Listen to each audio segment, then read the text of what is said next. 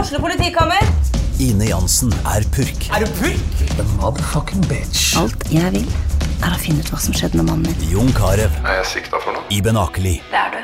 Ole So, Lars Berrum og Big Daddy Karsten. Hvem sin side er du på, egentlig? ja? Anette Hoff, Tone Danielsen, Kommer du fra Afrika?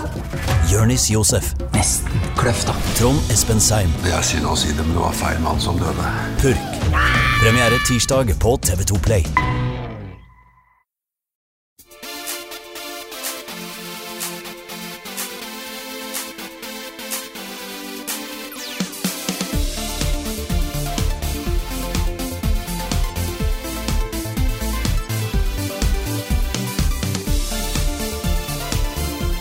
Og da ønsker vi velkommen til en spesialpodcast. Special! Specialcast med bare Rune Fjell Olsen og Karl Martin Oksnes. Jepp. Jeg er sistnevnte, du er førstnevnte. Det er jeg sist jeg sjekka. Ja, og vi er på Desicon. Jepp. Norges varemesse Lillestrøm, søndag. Messa er snart over. Og dette har jo pågått i 13-14 år, eh, sier eh, Alejandro. Det stemmer. Ja, eh, Dette er kanskje siste gang. Ja. Siste dag av siste gang. Jeg har vært på hvert fall 10 eller 11 av de Desicons som har vært. Nettopp. Så jeg er godt bevandret her inne. Og det er jo en institusjon for alle som er opptatt av spill og ting som er litt annerledes og, og Ja. sånt i Norge. En fest. Det er en sånn samle, samlefest for Ja. eh, spill og anime og sci-fi og fantasy og Alt mulig rart. alt mulig. Du ser cosplayere gå rundt omkring her. Vi har sett en eh, Nameless King. Det ble jeg veldig glad for. Ja, Ja. Mhm. Jeg har sett masse Undertale her. Mye anime. Jepp.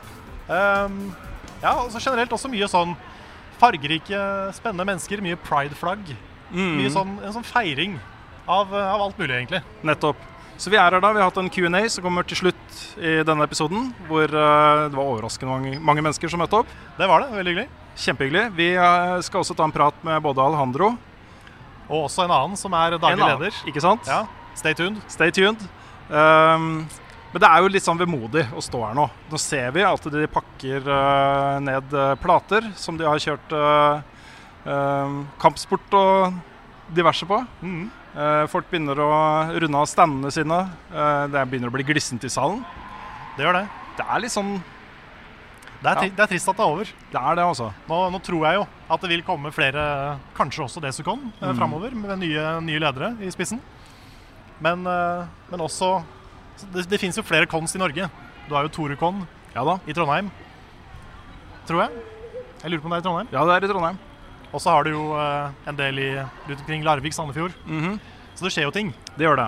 Men eh, et stort Oslo-kon, det håper jeg vi får framover også. Det hadde vært eh, hyggelig. Så det Nei, det er, det er litt trist at det er eh, over. Mm. Dessucon er Det er mange gode minner.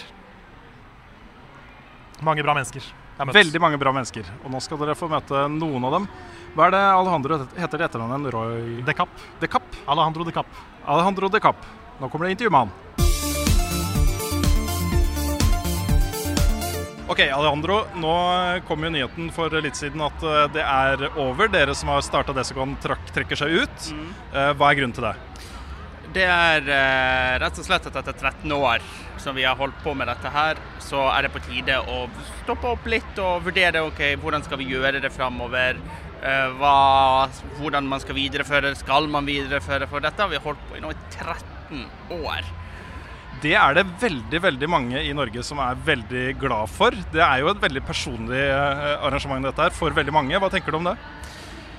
Eh, Vi vil heller at de skal gå på et, vårt siste arrangement mens det ennå er bra, og så vite at ok, da tar vi en vurdering om hvordan vi kan eventuelt gjøre det bedre, eller om vi skal gjøre det bedre, enn at vi fortsetter som vi gjør. Og så kommer man om fem-seks år, og så har vi ødelagt det fordi at vi ikke var villige til å stoppe litt opp og se på ok, er vi, er vi der vi er. Det høres litt ut som eh, om friskt blod er det dere tenker på nå? Kanskje få inn noen nye arrangører eller et eller annet? Eh, Stemmer det? Det vet jeg ikke. Eh, Vi skal ta en eh, diskusjon eh, etter kornet er ferdig. Men eh, for vår del så er 13 år egentlig ganske nok. Eh, Vi kan egentlig ikke garantere at det som kommer tilbake, og vi kan heller ikke garantere at det aldri kommer tilbake. Men slik den er i dag, det er nå og her og nå det siste gangen du ser. Fra utsiden så har jo Desicon vært alltid en litt sånn eh, Jeg vet ikke hva man skal kalle det. Litt Hvis du er utenfor Desikon, så har du et inntrykk av det som ikke stemmer helt med hvordan det faktisk er. For når man kommer innenfor dørene her og ser det samholdet og den følelsen av at her kan jeg være meg selv, eh, her kan jeg møte likesinnede osv., har alltid vært det viktigste med Desikon. Eh, Hva tenker du om liksom visjonen til Desikon og det dere har gjort eh, i alle disse 13 årene? Altså, Vårt slagord har jo alltid vært eh, 'i hjertet av din interesse har du vennskap'. og Det er liksom det vi har bygget det opp. Eh, Descon startet eh, som en vennegruppe som ville ha noe å gjøre. Og så har det utviklet seg til dette gjennom, eh, gjennom de 13-14 årene vi har holdt på. Så for oss er vennskapet det aller viktigste. Men også å lage et sted der du kan være deg sjøl uansett, under trygge omgivelser. Og Så starta det også med ett arrangement, og så vokste det ut med sånne sidearrangementer rundt omkring eh, også. Det har blitt en veldig stor greie, dette her. Hvordan skal det bli å leve uten, uh, uten Desogon? det, altså tingen er at det folk glemmer er at de av oss som er involvert i det, har fulltidsjobber ved siden av, og vel så det. Eh, vi har jobb, vi har, eh, ønsker å ha litt fritid, så dette her tar veldig mye, mye tid. Så ved å ikke drive på med dette, så blir det plutselig veldig mye ekstra tid å ta av fra dagen. Men det er jo ikke derfor vi slutter med, med å arrangere det foreløpig. Eh, det skal jo sies. Har du noen eh, personlige favorittminner fra alle disse årene med Desogon? Altså, Min største og flotteste minne var en e-post vi fikk fra en besøkende at eh, de elsket Destrocom fordi at dette var stedet de kunne være seg sjøl, og ikke føle seg uglesett. Og det varmet. Det er den tingen som har liksom vært symboliserende for hvor vellykket dette prosjektet, dette lille hobbyprosjektet, har vært. Eh, for det er tross alt for de besøkende vi gjør dette her for. Har du noen, eh, til slutt noen eh, råd hvis noen nå kommer inn og ønsker å videreføre, eh, om ikke Desogon, så i hvert fall et arrangement i samme gate? Har du noen råd til, eh, til hva de bør gjøre for å få det til? Jeg har tre råd. Følg instinktene. Altså følg hva du ville ha gått på, og skap det. Ikke si, ikke si til deg sjøl at du ikke kommer til å få noe til. Det er verdt å prøve. Det verste som kan skje, er at ingen kommer. Eh, gitt at du selvfølgelig ikke har slått deg i gjeld. Vi sikrer deg på det. Vær i stand til å betale regningene dine. Men viktigst av alt, ikke la deg diktere av de som skriker høyest. For vi i Nausicaan har gjennom 13 år lært oss at det aldri symboliserer den store flertallet. Så stol på magefølelsen, sørg for å betale regningene, og hør på majoriteten, ikke de som skriker høyest. Så kan du lage et fantastisk arrangement. Ja, Det høres bra ut. Og eh, på vegne av meg selv og alle andre som har eh, gått til disse hallene her i mange mange år, tusen takk for den innsatsen dere har gjort for, eh, for veldig mange i Norge. Det er mange som setter stor pris på det, alle andre òg. Så eh, tusen takk for det. Og tusen takk til alle dere som har gjort det så gøy å drive på med dette her i alle disse årene. Det er dere som har skapt Essecon, ikke jeg. Da står vi her med Frida, ikke Frida Danmo. Ikke men- Frida Danmo, Men en nei. annen Frida, Ja, som har vært ansvarlig for T-skjortebutikken vår før. det er helt riktig. Så vi har litt historie. Ja. Men, Men- nå er du boy. Fortell. Ja, nei, nå har jeg gått rundt som Atreas på Descon i to dager nå, og jeg bringer ut den indre Kratos i alle, om de har spilt spill eller ikke. De kommer og roker 'boy', men ikke alle vet hvorfor. Du, Det er et fantastisk eh, kostyme, dette her. Og dette har du lagd sjøl, ikke sant? Det har, eh, hva hva har du gjort for å lage det kostymet her? Nei, først så har jeg begynt å må samle litt tegninger, finne ut litt hvordan det ser ut. Eh, Da jeg starta å lage kostyme, så hadde ikke fotomoden kommet ut, så da måtte jeg forholde meg litt til offisielle tegninger og ta litt vanlige screenshots med funksjonen, gjøre så godt man kan, ikke sant. Eh, Så da har jeg starta med si f.eks. bukser. Det starter med et vanlig buksemønster. Eh, mens f.eks. på dette lærskjørtet som er fletta, så har jeg gått inn og rotert figuren rundt når kameramodusen kom, og passet på at det blir riktig. da. Så det er, eh, det er mange detaljer. Og det morsomme er jo mens du jobber med cosplay, så oppdager du jo detaljer som selv kanskje ikke skaperen har funnet ut. F.eks. at i spillet Atreas er jo høyrehendt. Da holder du buen i venstre hånd noen av de som har laget figurene, har gjort det motsatt. De tenker, så I noen av figurene så holder han den faktisk i høyre. Og det har kanskje, De har bare sett på tegningen og tenkt høyre hånd, høyre hånd, det får duge. Og så har kanskje ingen plukket det opp underveis i kon- kvalitetskontrollen. da. Så du får jo virkelig titta på alle detaljene Og man tenker f.eks. på Det er jo ikke alt som virker i virkeligheten. Hvilke stoff er brukt osv. Så videre. så det er veldig spennende. Det er jo det jeg liker med å lage kostymer.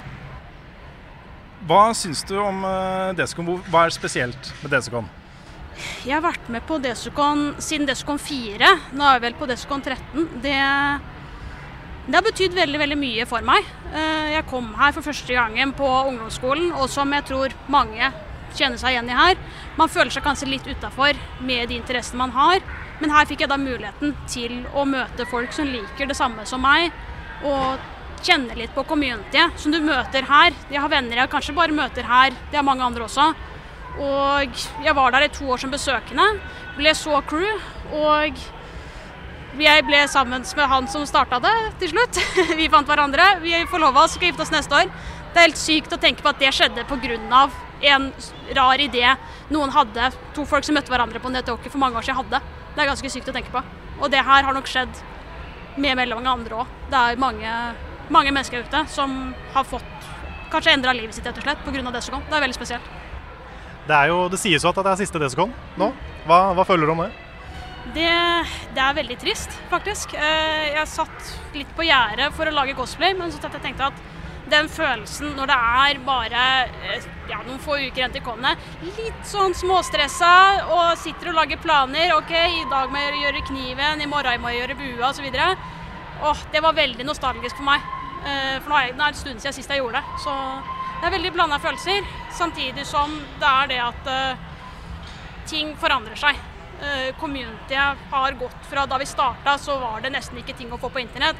Nå er alt på nett. Folk møtes kanskje andre steder. Vi starta med et forum. Det forumet er lagt ned for lengst. Nå er det kanskje Facebook, og nå er Facebook ut, nå har det blitt noe annet osv. Så, videre. så det er veldig Nei, det er veldig blanda følelser. Samtidig som det er veldig koselig å kunne slutte på toppen. Så, men vi vet ikke hva fremtiden bringer. Kanskje det blir noe i fremtiden. Jeg hadde spurt deg hva ditt eh, beste minne fra Desicon var, men det er kanskje det at du møtte personen du skal gifte deg med. Ja, det må jo sies det. Det morsomme var jo Jeg traff han. eh, Det var jo flere år før jeg ble kjent, men jeg traff han for første gang da de hadde noe som heter Organize anbefaler. Der Alejandro, altså mi- min forlovede, og Espen, som også starta det, har et Hvor de sitter og bare prater om anime eller filmer de liker. De satt inn på et bitte lite møterom på Oslo Kongressenter, og så på gangen så sto en venn av de som het Frode. Han sto bare og kasta folk inn, for det var ikke så mange på den posten. Så hver gang folk kom inn, så klappa vi. Hver gang folk gikk, så buet vi. Og da var det ingen som turte å gå. Og folk bare kom inn og hva er det her for noe? Det gjorde jeg jo, ikke sant. Og så må jeg til å bli sittende, da. Så, sånn kan det gå. Så tips er å bue når folk går ut, så, så går det bra. Ja. Og nå er vi så heldige at vi har fått eh, Nå begynner jeg på nytt, så nå er jeg- jeg er slit, litt sliten sjøl.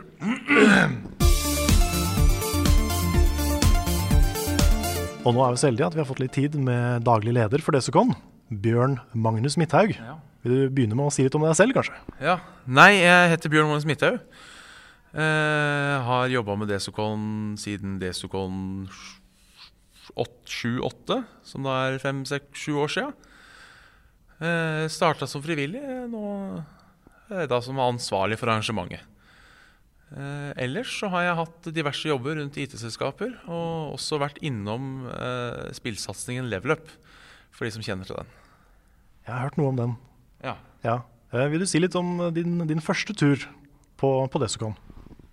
Ja, eh, jeg, jeg tror kanskje det var med en kar som het Karl Martin Hoksnes. Ja. Eh, vi hadde noen greier som het eh, Ja, hva var det det het igjen? Var det Muffens Media? Og vi hadde en stand på Deconne Nei, nå tuller jeg. Nå tuller jeg. Vi hadde en live Let's Play på Desucon 7. Ja. Og Det hadde dere slash vi. Ja, eh, og det var sammen med eh, bl.a. eh, Carl Martin at vi ble invitert opp på scenen eh, for å være med på noe utdeling av noen greier. Eh, da kom jeg i snakk med Alejandro de Kapp, som er eh, primus motor. Eh, en av to primus motorer i, i, i selskapet bak Desocon. Eh, så kom jeg i prat med han. eh, og så ble vi eh, du, jeg, du, eh, jeg og Hoksnes Ja. ble hyra inn på Desocon 8, var det vel, til å være konferansierer. Eh, det som skjedde Jeg tror Jeg vet ikke, jeg tror ikke det var helt for Hoksnes. For han ga seg. Eh, Han ville ikke være med neste år. Men jeg stilte opp, for jeg syntes det var gøy. Eh, Da merka jeg at eh, jeg følte meg litt utafor, for det var så mange i crew som virka som en stor og fin gjeng. Eh, Og jeg som liksom på en måte bare kjente Alejandro der, var på en måte litt utafor, for jeg var ikke en del av crew-gjengen. Så jeg bestemte meg jo da ved neste con, som var Desocon eh, cosplay og Japan, da det samme året, for at kanskje jeg skal være med i crew og være med på arrangementet. Eh, og siden da har det egentlig bare balla på seg. Eh, og nå har jeg s- nå, siste Desocon 13 nå, som da er på en måte det siste Desocon, så står jeg som ansvarlig for, eh, for arrangementet. Det er litt artig at du sier det, fordi eh, jeg også har en p- litt sånn personlig historie fra Desicon. Ja. For jeg hadde, hadde jo stand på Desicon sammen med da en som heter Bjørn Magnus eh, Midthaug. Og, eh, og han gikk jo videre til å bli daglig leder han, for Desicon. Og eh, bare sånn for å, for å plassere meg sjøl inn i den historien, da, så føler jeg litt at kanskje det at jeg dro med han på Desicon, bidro til at han endte opp der i dag. Eh, det kan nok hende. Eh, nå kjenner jeg ikke din venns historie, men jeg vet i hvert fall at det var eh, Karl Martin Hoksnes som introduserte meg for hele Descont-konseptet. Eh, I senere tid så hadde jeg nok fått det med meg eh, at det var. For nå, le- Det kan jo være litt at jeg legger mer merke til det. Nå husker jeg ikke helt hva den effekten heter, men at når du hører om noe, så ser du det hele tida. Det er i hvert fall ikke placebo. Nei, det er ikke placebo, og det er ikke Streisand-effekten. Eh, Det er en annen effekt. Ehm, så det Så jeg hadde nok visst om det nå, men jeg tror aldri jeg hadde vært involvert i Desicon. Hadde det ikke vært for at jeg, akkurat som deg på en måte, hadde hatt en stand på Desicon 7, eller Lyle Play. Da. Men vi tulla, vet du, for det er, det er du som er kosekveld, Bjørn. Det- Og vi snakker om hverandre, Bjørn.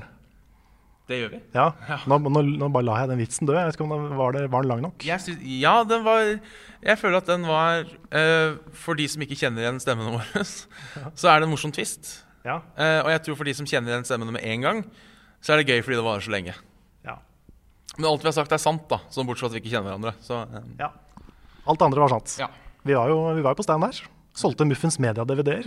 Mm. Det var det ene året vi hadde DVD-er som, som jeg hadde brent og printa ut cover og klipt. Så det var mer indie blir det ikke, altså. Nei.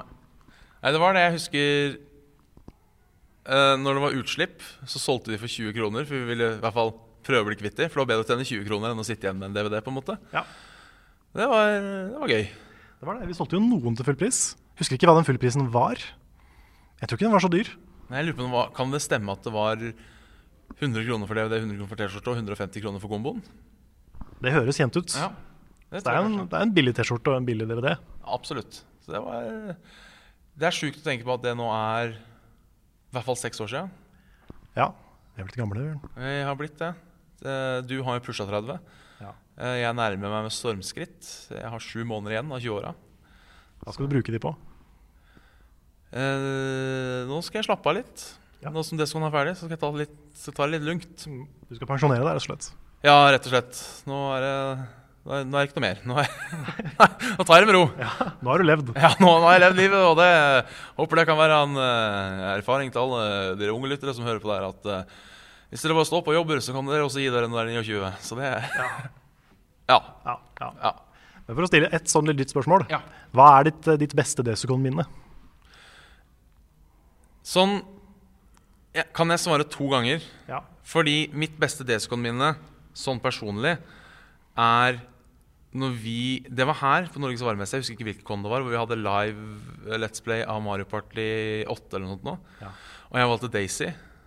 Og så var det noen som spurte hvorfor ikke Peach, og så svarte jeg fordi Peach er en jævla Og så var det, var det en kar som cosplaya Peach, som reiste seg opp og gikk. Det var dritgøy. Jeg fikk en brus av han etterpå, så all over forgiven. Ok. Eh, men sånn i litt sånn større, større scale så er det egentlig når jeg ser hvor mye folk koser seg, og hvor mange forskjellige mennesker som er her, som har det kult, det er utrolig gøy å være med på. Så det er, altså det er på en måte det beste minnet. All den gleden det skal skaper.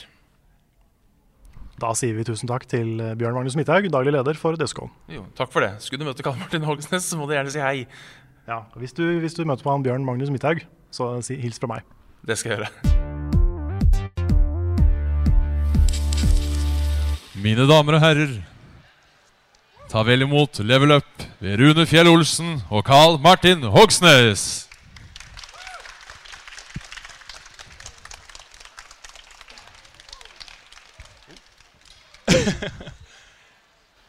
vann.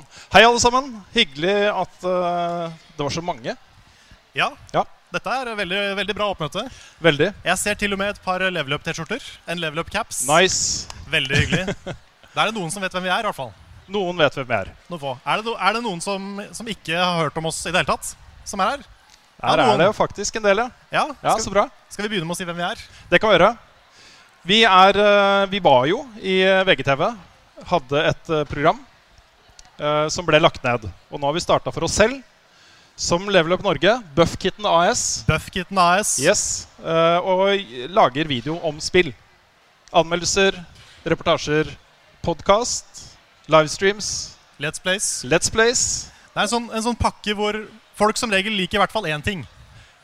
Et eller annet av det vi lager. eh, Hvis du er interessert i spill, så er det sikkert noe. Ja. Ja. Det er en sånn meny hvor man kan liksom velge det man vil. Hvis man er eh, Let's Play-fan, så ser man på det. Hvis man liker anmeldelser og sånn, så ser man på det. Nettopp. Det vi gjør her i dag, er å rett og slett lage en litt sånn avskjedsreportasje fra Desicon. Eh, litt intervju med folk, sånne ting. Det blir eh, skrudd sammen til en eh, spesialepisode av podkasten vår. Og dette blir da spørsmål og svar-delen av den podkasten. Det gjør det. Så eh, vi, vi håper det er en del som har eh, spørsmål til oss som vi kan svare på. Og vi vet at det alltid er Det er skummelt å være den første som stiller spørsmål, men dere får cred hvis dere tør å være det. Absolutt. Så ja, vi har faktisk en, eh, en oppe allerede. To hender. To hender. Vi kommer til å eh, gjenta spørsmålet, så gjerne si hva du heter, og så spørsmålet, og så Ja. det er gjør vi det sånn? Ok, skal vi begynne med, med deg? Jeg heter Severin Johansen, og jeg lurer på hvor gamle er dere? Hvor gamle er vi? Hvor gamle er vi? Jeg er fortsatt eh, 44, blir 45 straks. Ja.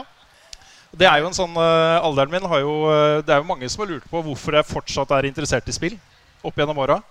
Og da svarer jeg bare ja, hvorfor er du interessert i film? Eller TV-serier. Ja.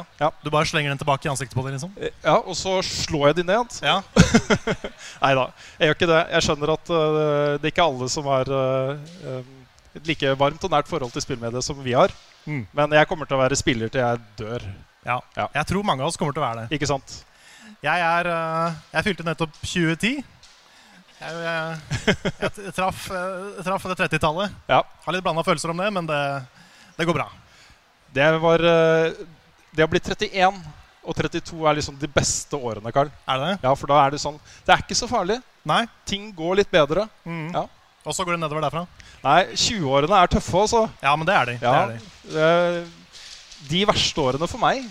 Mye usikkerhet og Ja, altså jeg merker Hvem er jeg? At, oi, nå driver de og fekter der borte. Det gjør de. Jeg vet ikke om, det, om, om folk kan høre det på opptaket nå. Jeg tror ikke det. Nei, men, nei, men det er noe i det. 20-åra er litt sånn eh, De er litt, eh, litt røffe. Ja. Men jeg føler at jeg har gått nå fra å være bekymra over livet og meg sjøl, til å være bekymra over verden. Så det er kanskje et godt tegn. jeg vet ikke. Det er sånn det blir. Ja, Vi får se. Yes, Og så blir man bekymra over barna. Ja, det også. Så det er liksom, det går i bølger. Kommer kanskje en dag. Ja. Men eh, flere spørsmål? Jeg så du hadde han oppe i stad. Eh, hei, jeg heter Niklas, og jeg hadde et spørsmål. Hva er tankene deres om det nye Smash-spillet, og er det noe dere har lyst på? Tanker om det nye Smash-spillet? Smash suger. Nei, de gjør ikke det. Jeg Og der, mener ikke, jeg mener ikke det. jeg mener ikke det. Der ble Rune kasta ut av Desicon. Nei, Vi har ehm, Hvor mange Smash-fans har vi i redaksjonen vår? Er fire? Det er vel det. Ja, Så det er, det er egentlig bare Rune som ikke liker Smash. Resten av oss, resten av oss gjør det. Så jeg er veldig hyped. Det er ikke det at jeg ikke liker Smash. Nei. Det er bare det, Hver gang jeg spiller Smash, så spiller jeg mot folk som deg, ikke sant? Ja. som har spilt Smash veldig mye. Ja. Og da er det ikke så gøy å spille Smash. Nei, den ser jeg. Ja. Men ehm, Nei, jeg er veldig positiv til det nye. Jeg digger at de har med alle eh, de gamle figurene. Det er sånn det er, det, er så, ri- det er så riktig, for det er ingen som vil at maiden sin skal bli borte. ikke sant? Så det er veldig smart gjort. Og så kult at Ridley er med. Håper på litt flere stages. Håper på, håper på Sora. Sora for Smash. Og jeg, jeg har skjønt at Valuigi er, et, er høyt oppe på lista. Ehm, jeg syns også litt synd på Sakura. Han har fått veldig mye meldinger i det siste. Men, eh, men ja, Valuigi kan, han kan få lov å dukke opp. Han kan det. Jeg syns det. Ja. Ja, neste, neste spørsmål. Skal ta eh, med kule Ramones-capsen der nede. Ja. Hvorfor er ikke Niklas i så mange videoer? Og eh, ehm, Vel, hva syns du om at Waluigi kommer i nye Smash-spillet? Mer Smash allerede. Vi kan Mer begynne med, Smash. begynne med Nick. Spørsmålet var eh, hvorfor eh, ikke Nick er med i flere videoer. Ja. Nå er jo tingen sånn i vår redaksjon at eh, det er bare vi to som jobber heltid med dette her. Eh, Nick og Frida og Lars og Svendsen er frilansere. Mhm. Og det har vi, vi har ikke råd til å ansette de. Det er det enkle spør- svaret på spørsmålet. Det er, jo, det er jo drømmesituasjonen vår å kunne ansette alle fire. Absolutt. Fordi de ja, Bjørn òg. Ja, han er jo han- med sånn derre mm, s- eh, sånn, s- Featuring. Special guest star. Ja, Bjørn er liksom, han dukker opp når han har tid. Og, Ikke sant? og sånn. Ja. Eh, Det er jo kosekveld. Ja, nettopp. der, der er Bjørn og jeg. Ja. Så Bjørn har blitt en vi- viktig del av redaksjonen, han òg. Mm. Men, men ja, det er, jo, eh, det er jo penger som gjør at ikke vi kan bruke Nick og Frida, eh, Svendsen og Lars mer enn vi gjør. Det er helt sant. Fordi eh, vi digger jo det de gjør. Det de bidrar med til kanalen, er jo pe- kjempebra. Ja, det er helt fantastiske. Helt fantastiske. Og eh, Så- det har vært morsomt å f- følge de også fra eh, noe til å bli noe mer. Ja, men det synes jeg gjelder Utvikla seg alle. så Mm. voldsomt. Det gjelder alle, syns jeg. At de, eh, hvis du går tilbake og ser det første alle vi gjorde, kontra det vi gjør nå, så har det skjedd noe. Ja. Og det er litt, sånn, det er litt deilig å se. Mm. At, eh, at det utvikler seg. Absolutt. Nei, Nick er eh, min favoritt-YouTuber ved siden av Carl. Ved siden av Ja, han er, Ja. er hyggelig. Eh, Valuigi, vi svarte litt på det i stad. Litt Jeg, eh, ja, jeg, syns- jeg syns det er greit at det er en assist trophy, men jeg skjønner at han har fans. Jeg skjønner det. Mm. Han, er, han er morsom. Neste, neste spørsmål. Det er mange, vi burde hatt en som eh, følger med på hvem som rekker opp hender. Ja, vi gjorde det. Ja. Så vi, men vi skal komme gjennom alle. Vi blir her i hvert fall. Ja da. Vi har god tid på oss, Vi har god tid. så vi, vi rekker nok de fleste, i hvert fall. Skal vi ta en eh, bak deg, kanskje? Ja, Som har eh, et par hender. Bak, bak med, med The Cloak. Ja. Ja. Skal jeg løpe bort? Jeg tror jeg må løpe bort. OK. Er det Lise, og hvor er dere fra? Hva sa du? Hvor er dere fra? Hvor er vi fra? Hvor er vi fra? Jeg er fra Våler utafor Moss. Eh, født i Sarpsborg. Flytta til Oslo i 93, så jeg, egentlig så er, nå sier jeg at jeg er fra Oslo. Eller i hvert fall det er mitt hjem, da. Ja. Jeg også føler mer og mer at jeg er fra Oslo. Egentlig så er jeg fra Tønsberg. Jeg kommer fra et, eh, en liten blindvei som heter Orrestien i Skalvoll. Der, der vokste jeg opp. Dambyråsen eh, ved Sperrebotn har jeg vokst opp. Så det var eh, et idyllisk familiehus. Det er faktisk en YouTuber som eh, bor i den gata, som eh, heter Isak, tror jeg. Ok. Som eh, Så ja, er bodde det liksom sånn- rett nedafor. Så det er sånn mediegate. Det er en mediegate. Ja. Ja. ja. Har vi flere? Ja. Skal vi ta første rad eh, med slips? Jeg heter Ari, og hva slags spill kan dere anbefale til Switch? Hva slags spill kan vi anbefale til Switch? Og da, da trenger vi all tida vår, tror jeg. Ja, Det er mye bra på Switch nå. Ja, og det har kommet så mye bra. Og det, var liksom, det er så deilig å kunne si at det ikke bare er eh, Breath of the Wild og Super Mario Odyssey og Mm. de der, liksom. Selv om det er de òg. Det er jo de også, selvfølgelig. Det er jo der man må starte, Ja. egentlig. Ja, hvis, du, hvis du har Switch og ikke Selda og Mario, da, har du, da har du gjort noe feil. Ja, Men det har jo blitt en sånn fantastisk indie-konsoll. Eh, Owlboy er ute på Switch. Mm. Kjempebra. Hollow Night. Hollow Nights, det spiller jeg gjennom nå. Det er dritbra. Ja, det er helt fantastisk. Ehm, ja, Kirby. Kjempebra i eh, co-op. Veldig, veldig morsomt. Eh, Mario Kart Deluxe. Mario Kart 8 Deluxe. Ja, Også ikke minst eh, Mario pluss Rabbids. Stemmer. Hvis man liker litt sånn taktisk RPG. Mm. Det er overraskende bra, det spillet. Hva annet er det vi har spilt? eh? Har spilt mye på Switch. Ja, Minecraft spiller ungene mine mye på Switch. Snipperclips. Snipperclips, Hvis man er to, selvfølgelig. hvis Ja. man er to eller flere, så er snipperclips veldig kos. Masse bra. Masse bra. One to switch var ikke så bra. Nei, ikke så bra. Det er, det er bra Det var hvis, gøy, da. Det er Det var bra hvis litt du har gøy. veldig mange gode venner. Ja, det er sant. Ja. ok. ok. Flere spørsmål? Ja. Helt i midten her. Hvis jeg kommer bort dit, det var litt vanskelig. Det var Eh, Jeg heter Synnøve Nordby Eidesen, og jeg lurte på om- hva er det verste spillet dere har eh, prøvd på Nintendo Switch? Hva er det verste spillet vi har spilt på Nintendo Switch? Jeg tror ikke jeg har spilt noen dårlige spill på Switch. Har jeg det? Nei. Um, og så har jo ikke Smash kommet ennå, så jeg kan ikke si det heller. Åh. Nå, nå kommer det snart ting fra salen. Ja. Nei, jeg bare tuller. Jeg bare tuller. Rune bare tuller. Jeg bare tuller. Nei ehm, det, det føles litt sånn slemt å si det. Men jeg begynte på et spill som var eh, en sånn slags spirituell oppfølger til I Am Setsuna. Som het Lost Sphere. Og det syns jeg var det mest generiske japanske rollespillet jeg har spilt noen gang. Så det klarte jeg ikke å fortsette på. Hmm. Så det var nok kanskje det. Men jeg har ikke spilt mye dårlig på Switch. Så det er ikke det at det er dårlig, det er bare veldig standard. Jeg kan nevne en ting, da, for det kommer jo en eh, også s- Minecraft på Switch ble jo oppdatert nå, eh, et Ja. par dager siden, til å være en versjon som du da kan spille med PC og andre, liksom. Så det er PC, også det er standardversjonen av Minecraft har kommet Ja, til Switch. ok. Og den lagger så voldsomt. Eh, Frameraten er helt krise. Og det som skjedde, var jo at vi importerte jo eh, gamle verdener fra forrige versjon inn i den nye versjonen av Minecraft. Og det bare hakker og hakker og hakker. Det er liksom to frames i sekundet. Hmm. Så den er jo ikke bra i det hele tatt.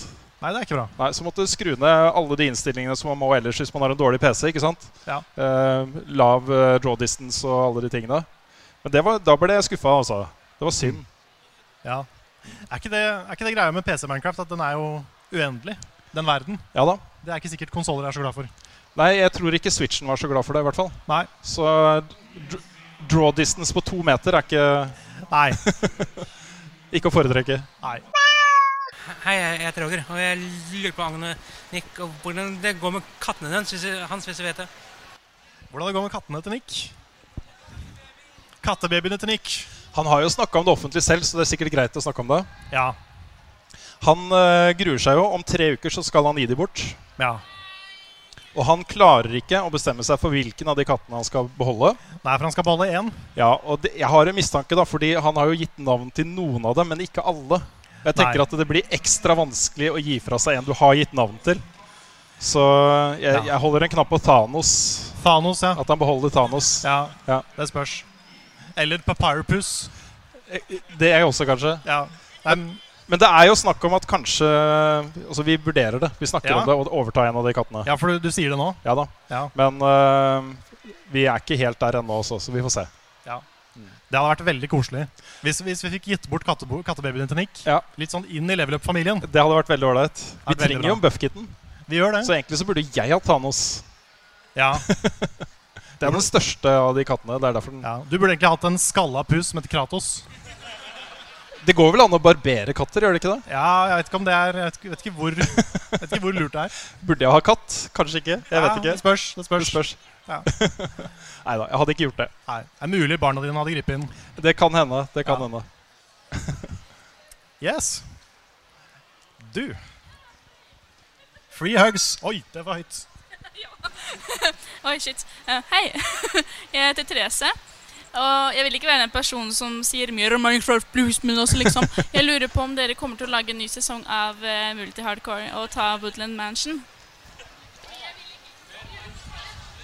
Rune bare døde sist gang, så jeg vil se han faktisk være med. Ja, vi har prata om det. Ja, Gjenta spørsmålet. Spørsmålet var om det blir mer Minecraft multi-hardcore. Woodland Mansions har jeg ikke satt meg inn i hva er. Hva for noe? Woodland Mansions. Nei, det har jeg ikke Du vet Det, ikke. jeg er litt sånn ute av loopen på Minecraft nå. Ja. Men, eh, men planen vår var egentlig å ta den nye Ender Dragon. Hmm. For den, den har jo oppdatert seg litt. Den har det. Og jeg, har jo, det er, jeg maser jo om å lage en ny sesong av Multi-Hardcore. Ja, du er jo mest gira. Jeg er mest gira. Og det er jo fordi forrige gang jeg spilte det, så jeg ante jo ikke hva jeg gjorde. Nei, det var vel i starten på episode to så døde Rune. Da, da gikk han ut døra, og det kom en creeper, og Rune sa 'oi'. og det var det siste du sa i den serien. Nettopp. Ja. Men det er jo litt morsomt når, eh, når jeg satte meg ned for å faktisk spille Minecraft og lære meg Minecraft. Så Ja. eh, det er morsomt å se de første episodene og alle de feilene jeg gjør, og alt jeg ikke kan. Ja. Men jeg lærte meg jo mye etter hvert, og til slutt så tok vi jo Ender Dragon og, og sånt, da. Så nå kan jeg jo spille Minecraft. Ja, men Det som er skummelt med å starte en blind Let's Play av Minecraft, det er at hele publikum garantert kommer til å sitte og bare Jammen, jammen! Du skjønner ingenting! Det, det der er ikke en zombie, det er en sau! Ja, ikke sant? Ja, For Rune trodde jo en, en sau var Ja, ja. en zombie. Mm. Så, um, det, man, man blir litt stressa av å se på Man blir litt stresset. Men det, det kom seg. Men jeg elsker konseptet, da. Og så er jeg veldig glad i eh, permadeath-spilling. Altså Ja. den derre uppinga av stakesa det medfører. da. Mm. At er, dør du, er du ute, liksom. Det blir så spennende. Det er så gøy å spille. Og gøy å se på. Ja. Eh, Multi-hardcore er jo fast eh, gjenganger på TV-en hjemme hos oss nå. Ja, det har det er jeg ikke det at jeg setter meg ned og så ser på multi-hardcore hele tiden. Altså, men Nei. jeg har noen i familien som er veldig glad i den. Ja, jeg skjønner. Ja, nei, men det må vi prøve å få til. Jeg er veldig med på det. altså. Også. Ja, Det tar mye tid å klippe det. Det er det eneste. Men, eh, men det, det er verdt det. Jeg har litt lyst til å lage en multi-hardcore i No Man's Sky. Ja, da. Med permadeath. Ja, Med bare deg. med bare meg. Kom igjen, da. Bli med. Ah. Jeg, t jeg tror faktisk ikke jeg gidder å røre det spillet igjen. Ja, ok, greit. Det blir bra nå, altså. Ja, jeg har hørt det. Med Jeg har knop hørt at, og jeg har greier. hørt at det blir bra. Ja. Så kanskje. Ja. Kanskje. OK. Vil du velge en? Ehm, det var noen hender bak her som jeg har sett mye. Du har hatt han opp en del sånn Du bak der. Ja? Ja, skal jeg, ok. Du var litt oppgitt sist, så jeg tenkte nå skal du få muligheten. Ok. Jeg hadde tenkt å si Kan Carl og Bjørn spille mer Minecraft pluss? Om Carl og Bjørn kan spille mer Minecraft, please. For jeg tror for fem år siden, eller noe sånt, da vi starta Kosekveld Og så var det fire år inni der hvor ikke det skjedde noe. Ehm, da hadde vi en policy. Fordi det var så mange som spurte om Minecraft på min kanal. Så var policyen at på Kosekveld skal vi aldri spille Minecraft. Sorry. Beklager. så vi, vi holder oss til den. Men, eh, men Bjørn skal jo være med i multi-hardcore. Det, det regner jeg med. Ja, det må han jo. Ja. Ja. Det er litt viktig. Jeg syns det også. Så kan vi jo, mens vi snakker om Minecraft, må vi plugge level up Minecraft-serveren. Ja. Dag og natt, er det ikke den heter? Dag og natt, Mm. Dag stemmer. og natt. Den er helt øh, fantastisk, og der har du jo lagd øh, PVP-soner og masse gøy. Ja, jeg må bare kommentere. Nå, st nå- nå sitter det en på knærne der med pose over huet. Og det står 'Your waifu'. Ok. Jeg vet ikke hva som skjer der borte. altså. Jeg har kona Han mi her vinker. et sted. Det er ikke kona mi, det er jeg ganske sikker på. Nei. Men det ser ut som han er liksom bindt bak. Ja, Det, det, det, ser, det ser litt, litt tvilsomt ut. altså. Ja, Eh, litt rann. Jeg håper det går bra. Det har vært mye utrolig bra kos- kostymer her, og jeg ble jo ordentlig fanboy i stad, hvor det sto en gjeng med Dark Ja, Souls-characters. Du tok en selfie med Nameless King. jeg gjorde det, altså. Ja. Og det er jo akkurat Drive og slåss mot Nameless King og banna og sverta og vært helt ærlig, liksom.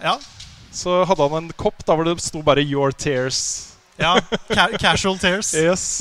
Casual Tears var det. Casual Tears. Tears. Ja, det var eh, utrolig passende. Ja. Ja, det var veldig, veldig bra cosplay. Utrolig bra. Neste. På enden der, kanskje? På enden der. Jeg jeg heter Richard, og jeg lurte på hvem sin idé var det å starte Level Up på YouTube. Hvem sin idé var det å starte level up på YouTube? Um, det, jeg husker ikke hvordan det kom opp, men på et eller annet tidspunkt så ble det eh, et ønske om å ha en YouTube-kanal.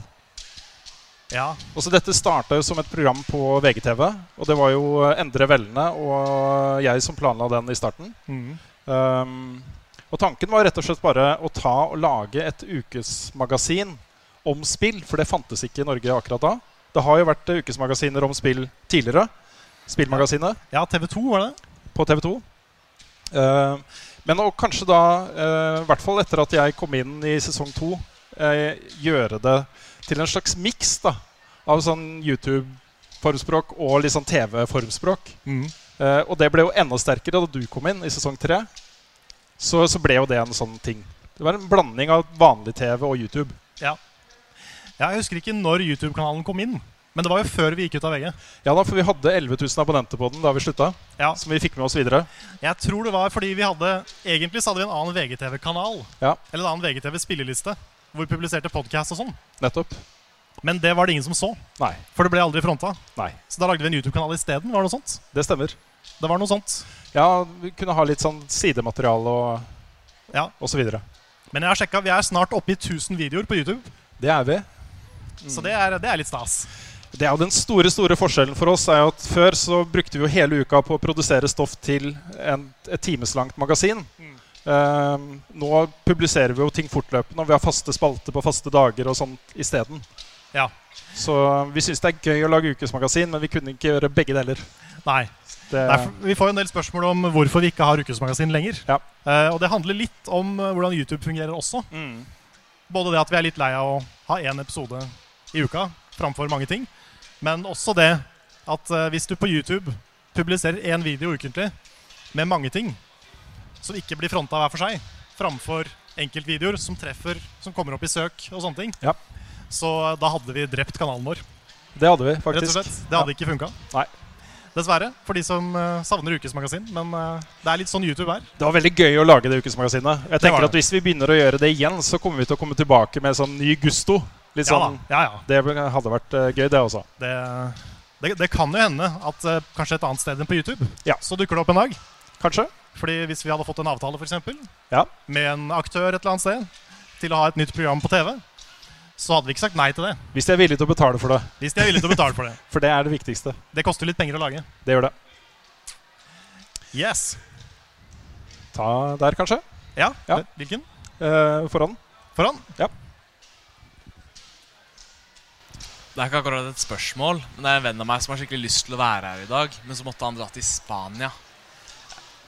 Han heter Håvid, og han kommer til å høre på denne podkasten her. Jeg vil bare at han skal vite at jeg møtte Carl. Kan, kan du si hei til Håvid? Jeg kan selvfølgelig si hei til Håvid, Hei, Håvid. som ikke kunne være her i dag. Nå går du glipp av mye, altså. Ja, hva skjer Carl med- er naken. Ja, ja. Hva skjer med Spania, liksom? Rune sitter nå på en brennende enhjørning. Ja. Mens jeg dasker Nameless King på rumpa. Ja, der, ble- der ble det litt seksuelt med en gang. Det er Ikke på en seksuell måte. Å nei. På en aggressiv måte. Aggressiv måte. Riktig. Ja. Neste spørsmål. Vil du velge? Level up caps. Level up capsen må få spørsmål. Eh, hei, eh, jeg heter Mathilde, og eh, jeg lurer på, siden eh, det har nettopp kommet ut på Switch, om dere har eh, spilt West of Loathing, og i så fall hva dere syns om det. Om vi har spilt West of Loathing? Nei. Jeg har ikke spilt det. Jeg har sett traileren til det, og det ser veldig veldig morsomt ut. Jeg har ikke spilt det forrige heller, men jeg har hørt at liksom, humoren er helt amazing i de spilla. Så eh, kanskje det blir et sommerspill. Bra tips. Bra tips. Jeg tror mitt sommerspill blir eh, Witcher 3. Oh. 160 kroner for komplett pakke på Steam. altså Det er ganske mye spill for 160 Det kroner. er mye spill for 160 kroner. Så endelig så har jeg fått tak i det på den plattformen jeg har lyst til å spille det på. Ja. Til den eh, prisen jeg har råd til. Nice. Jeg har eh, nettopp kjøpt Dead Cells på Steam. Nice. Og eh, Neo Complete Edition. Ja, nettopp. Så det, det også blir et sommerspill. Ja. Dead Cells venter jeg kanskje til utgivelsen i august. Før Ja. jeg setter meg ned med, tror jeg. Jeg tenkte det sikkert var billigere nå. Ja da, for Så er det, det så- det blir jo oppgradert til full versjon når det kommer. Det gjør det. Mm. Nå er det Voice igjen. Så vi venter litt. Jeg tror vi skal prøve å ta noen spørsmål litt sånn bak. Ja. Det er litt rett å ignorere. Der, for eksempel. Der eh, bak der, ja. Skal vi se. Bare sånn at Carl får eh, gått litt. Ja, så jeg får løpt litt. Han skryter jo av at han er så glad i å gå lange turer. Hei, jeg heter Mathias, og um, skal dere anmelde The Crew 2? Skal vi anmelde The Crew 2? Eh, jeg har ikke lyst til å love det.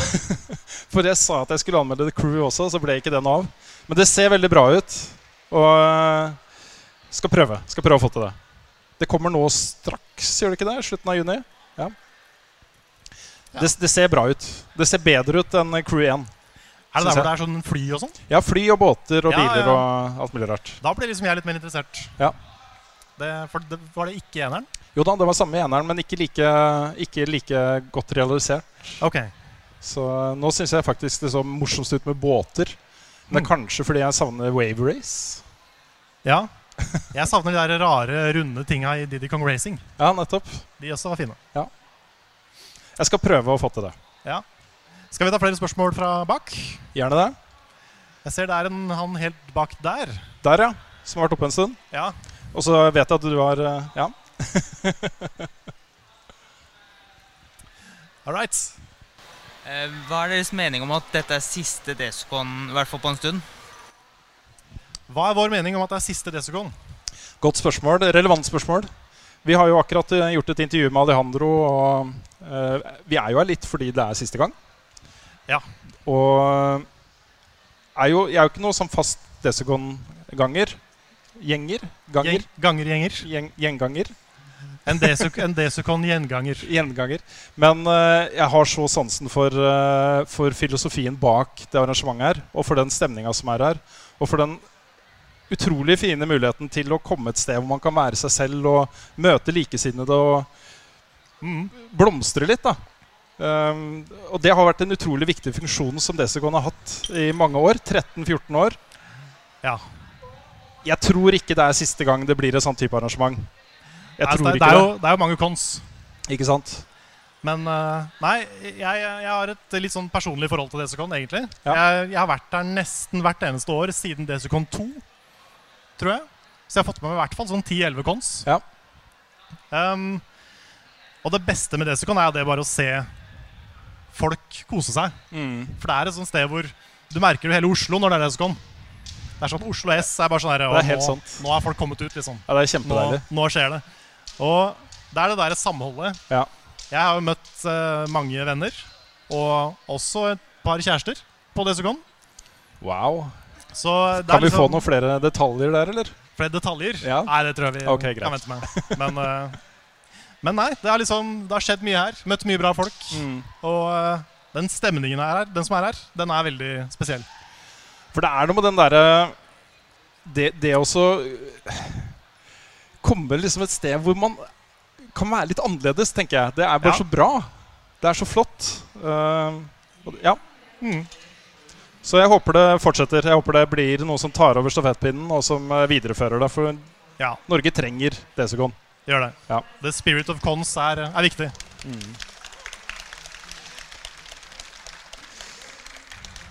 Nå lovte jeg deg å få lov å stille spørsmål. Jeg har sett du har hånda opp lenge.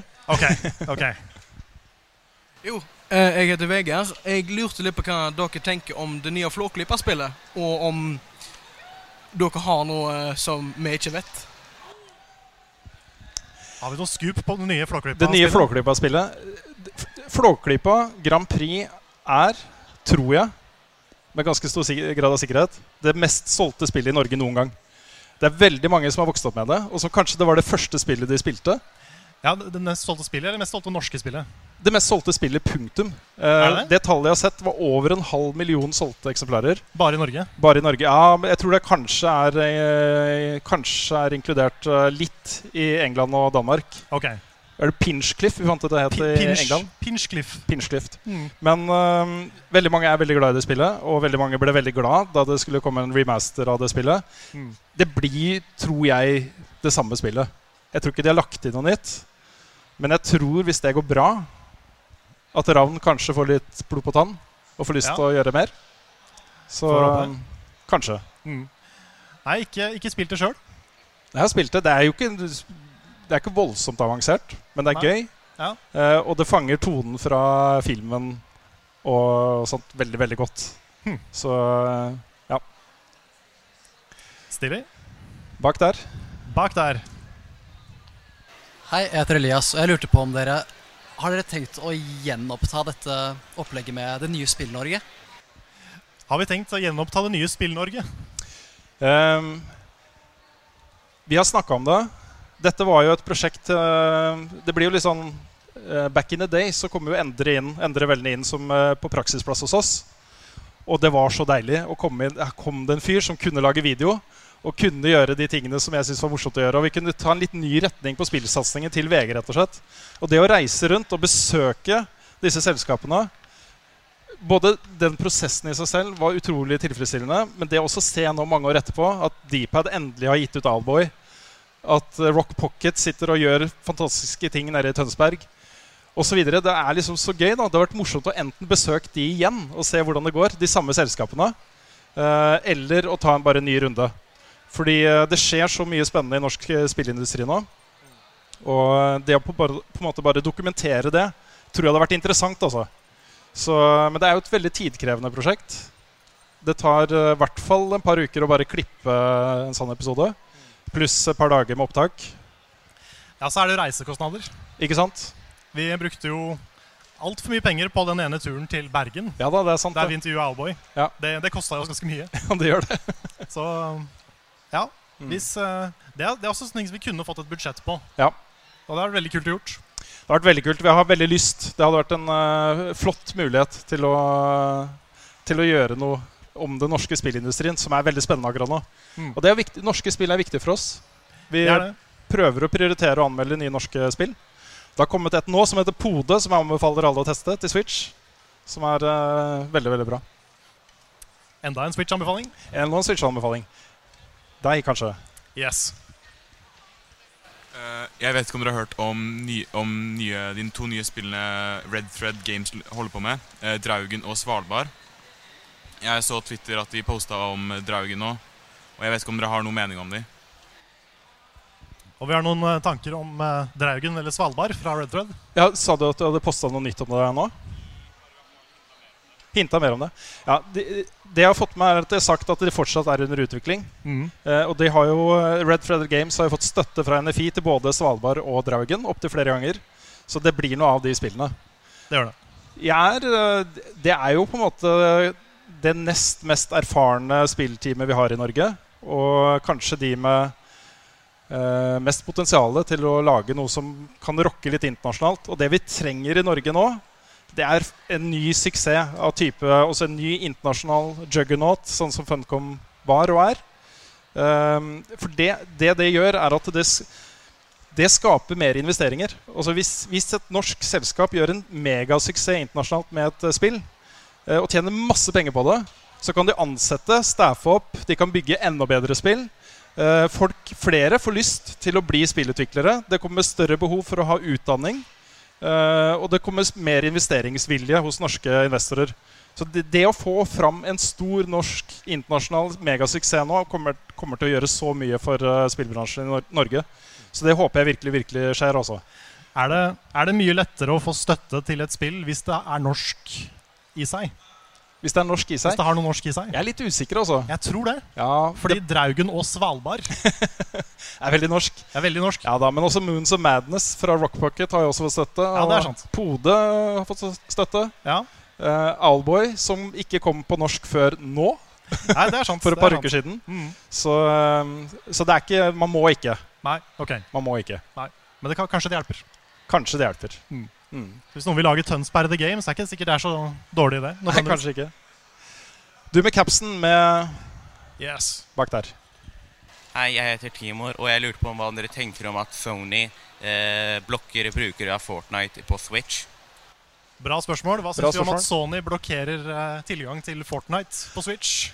Nei, Det syns jeg er kjempeflott. Det er så bra at Sony bare beholder spillerne, prøver å beholde spillerne hos seg selv. Og Det er så- nekter å erkjenne at det fins andre Det er så bra at Sony står på sitt og sier at hvis du Ja. spiller på vår konsoll, skal du ikke få lov å spille på andre. Nei, det er viktig å s- å komme med et standpunkt og stå for det. Ja, Det vi, er- ba, Eh, vi bare tuller. Vi bare tuller? Ja. Nei, det er helt høl i huet. Og det har, gir, jo ingen, gir jo ingen mening, egentlig. Eh, jeg skjønner jo hvorfor de gjør det. De vil jo bare s- gjøre det vanskelig for folk å bytte konsoll og fortsette å spille på PlayStation 4. Mm. Men det er jo ikke sånn ting funker, eh, funker i dag. Nei, Og det jeg er så jo- eks- en eks-sjef i Sony gikk ut på Twitter og forklarte hva, hva som var greia. Og det var bare en sånn veldig streng policy de har. Men at hvis folk maser mer, så kommer Sony til å gjøre noe. Ja, jeg tror også det. Det er bare å fortsette å mase. Ja, Bare mas til de blir lei. Ikke, liksom, ikke trusler og sånn, men, men mas. Men jeg føler jo virkelig at, eh, at Rocket League, eh, Fortnite, PubG har gjort mye for sånn crossplay-ønsker eh, hos folk nå. Fordi der er, spiller jo folk på mange forskjellige plattformer og har lyst til å spille med vennene sine. ikke sant? Ja, Og det litt, det litt spesielle med Fortnite er vel det at du kan spille på alt samtidig. Ikke sant? Du kan jo spille, Så vidt jeg har skjønt, så kan en mobilspiller spille med en PC-spiller, som spiller med en Xbox-spiller, som spiller med en Switch-spiller. Det er helt riktig. Det går an, ikke sant? Ja, det er går jo an. som- ja.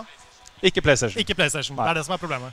Og jeg har sett noen helt fantastiske setups eh, av mobilspillere. De har Ja. liksom festa mobilen på en tripod, og så har de kobla til mus og tastatur med USB-overgang. så sitter de der da og ruler liksom på mobil. Jeg ville nok heller brukt en PC. Jeg ville nok heller brukt men, en PC. Men imponerende det er en billig for det. PC, da. Du har jo allerede Vel- mobiltelefon. Ja, det er sant. Skal vi se. Ja. Er det noen som virkelig føler de ikke har fått sitt ja, på enden? Ja. Um, jeg har et spørsmål. Hva syns dere om at PubG har, sa prøver å saksøke alle f- first person shooters de, de kan få tak i? Hva syns vi om at PubG saksøker alle shooters? Ja, saken her er jo at øh, de var jo kongene på haugen. De De var det. regjerte alene i Battle Royale-sjangeren. Ja, de var først ute, mener de sjøl. Ja da. øhm, ehm, De har jo en viss claim til det, men ikke egentlig. Men jeg, jeg vet ikke, dette her blir sånne legal-ting som jeg føler det er vanskelig å kommentere. da. Ja, det er eh, altså Jeg kan skjønne at de saksøker de veldig billige knockoff-spillene på iOS, f.eks. Ja, hvis de heter noe sånn BubG. Player Well Knowns Battle Play, Royale Player Knows Grounds. Battleground. Ja, Ja. for eksempel. Det, det kan jeg forstå. Ja. Hvis det er veldig, veldig eh, spissa mot PubG. Mm, Men igjen så er liksom PubG er jo en haug med assets som de har kjøpt. De har jo ikke laga sin egen grafikk, og det er vanskelig å copyrighte en gameplay-mekanikk. mm. Så de har jo veldig sjelden en case. Og de var jo ikke først ut med Last Man Standing-konseptet heller. Nei. Det som, eh, eh, det som de var først med, var jo bare å ha suksess. Ja. ikke sant? Mm. Eh, og det, det, blir, det blir noe annet. Ja. Så sånn som det å saksøke Fortnite, det syns jeg blir for dumt. Ja. Fordi greit at det er jo veldig tydelig inspirert. Samme liksom tingen som du går ned fra himmelen, og det er, det er mange av de samme tinga. Men det spillet er mer enn forskjellig nok Ja, fra jeg synes også det. PUBG. Og jeg tror de må bare akseptere at det har blitt en sjanger. Men dette handler om milliarder på milliarder av dollars, eh, Carl. Ja, Jeg skjønner at de prøver seg. De prøver seg, det gjør de. Så- Men jeg tror ikke de kommer noen vei. altså. Nei, jeg tror heller ikke. Det er vel, jeg tror eh, rettssaken skal gå i Sør-Korea, tror jeg. Jeg tror ikke det er, De Ja. har gjort det liksom i en amerikansk rett eller Nei, det europeisk stemmer. rett. Det er, det er spesifikt i Sør-Korea. Ja. Så eh, kommer de nok til å se på hva resultatet blir av den rettssaken, før de eventuelt eh, går eh, videre med det. Mm. Men eh, du kan ikke dette er, b- altså, du, kan ikke sag, du kan ikke saksøke folk som bare hopper på en sjanger, en ny sjanger. Nei. Det, er- det går ikke. Du kan heller ikke copyrighte en stekepanne. Nei, du kan ikke det, altså. Det er sånn, det er en stekepanne. Men hvis du begynner å kopiere assets, så eh, selv om de også er bare henta fra et sted Ja, for hvis- hvis koden er kopiert, Ikke sant? så blir det fort noe annet. Ja. Fordi det er jo en eh, sak nå hvor eh, Bethesda saksøker et selskap for at de lagde et Westworld-spill som brukte den samme koden som Fallout Shelter. Og det er noe annet. Fordi da har de faktisk stjålet ressurser fra spillet. Og det gjøres jo hele tiden på mobil. Ja. At det kommer et populært mobilspill, og så bare tar de og dumper ut noe som er helt likt, og s- høres nesten helt likt, og har samme ikon og alt mulig rart. Ja, ja. Og dette er man- noe annet. Det er liksom Minecraft Block Guy eller sånne ting. Ikke sant? Getting Over It har vel fått sånn 40 eh, Altså Cupboy. Mye sånne ting. Nettopp. Så det er ikke helt innafor. Vi får ta noen som ikke har fått stilt spørsmål. Det er du i ører der. Ja. I ører. Eh, Hei, eh, navnet er Jonny, og jeg lurer på eh, hvilke spill av E3 som dere har sett, som dere glurer dere til, og hvem conference av E3 som dere, som dere syns er bra. Spill fra etere vi gleder oss til, og hvilken conference vi syns var eh, best. Nettopp. Jeg må også kommentere. Jeg så et nydelig eh, Oathkeeper Keyblade. Veldig, veldig bra. Nice. Hvilke spill vi gleder oss til mest til fra E3? Vi ble jo fryktelig fryktelig, fryktelig glad for å se noe nytt fra Fromsoft. Det, var jo, det har jo blitt en sånn ting som vi får mye kritikk for, at vi bare babler om eh, Ja, vi er litt sånn overengasjert i Fromsoft om dagen. Ja. Men jeg merker, jeg har jo hørt litt grann på eh, Radcrew og Lolbua etter etter også. Jeg merker forskjell på redaksjoner, altså. Hvor vi er veldig glad i Souls og den type ting, og i Kingdom Hearts. Eh, mens de er sånn Nei, det er ikke noe for oss i det hele tatt. I Mm. hvert fall eh, Radcrew var sånn, da. Ja. Begynte å disse Men jeg tror, jeg Kingdom tror Hearts. Jostein er litt glad i sånne brannfakler noen ganger. altså. ja, jeg tror også det. Han er litt sånn kontroversiell noen ganger. Ikke sant? Så, men jeg har, jeg har prata med Audun og Jostein. Vi hadde en Final Fantasy-podkast. Vi har vurdert å tvinge Jostein til å bli med på en Kingdom Hearts-podkast. Det hadde vært en veldig god video også. Bare festa han fast i en stol. nå skal du spille alle de spilla Ja. i, rek- i riktig rekkefølge.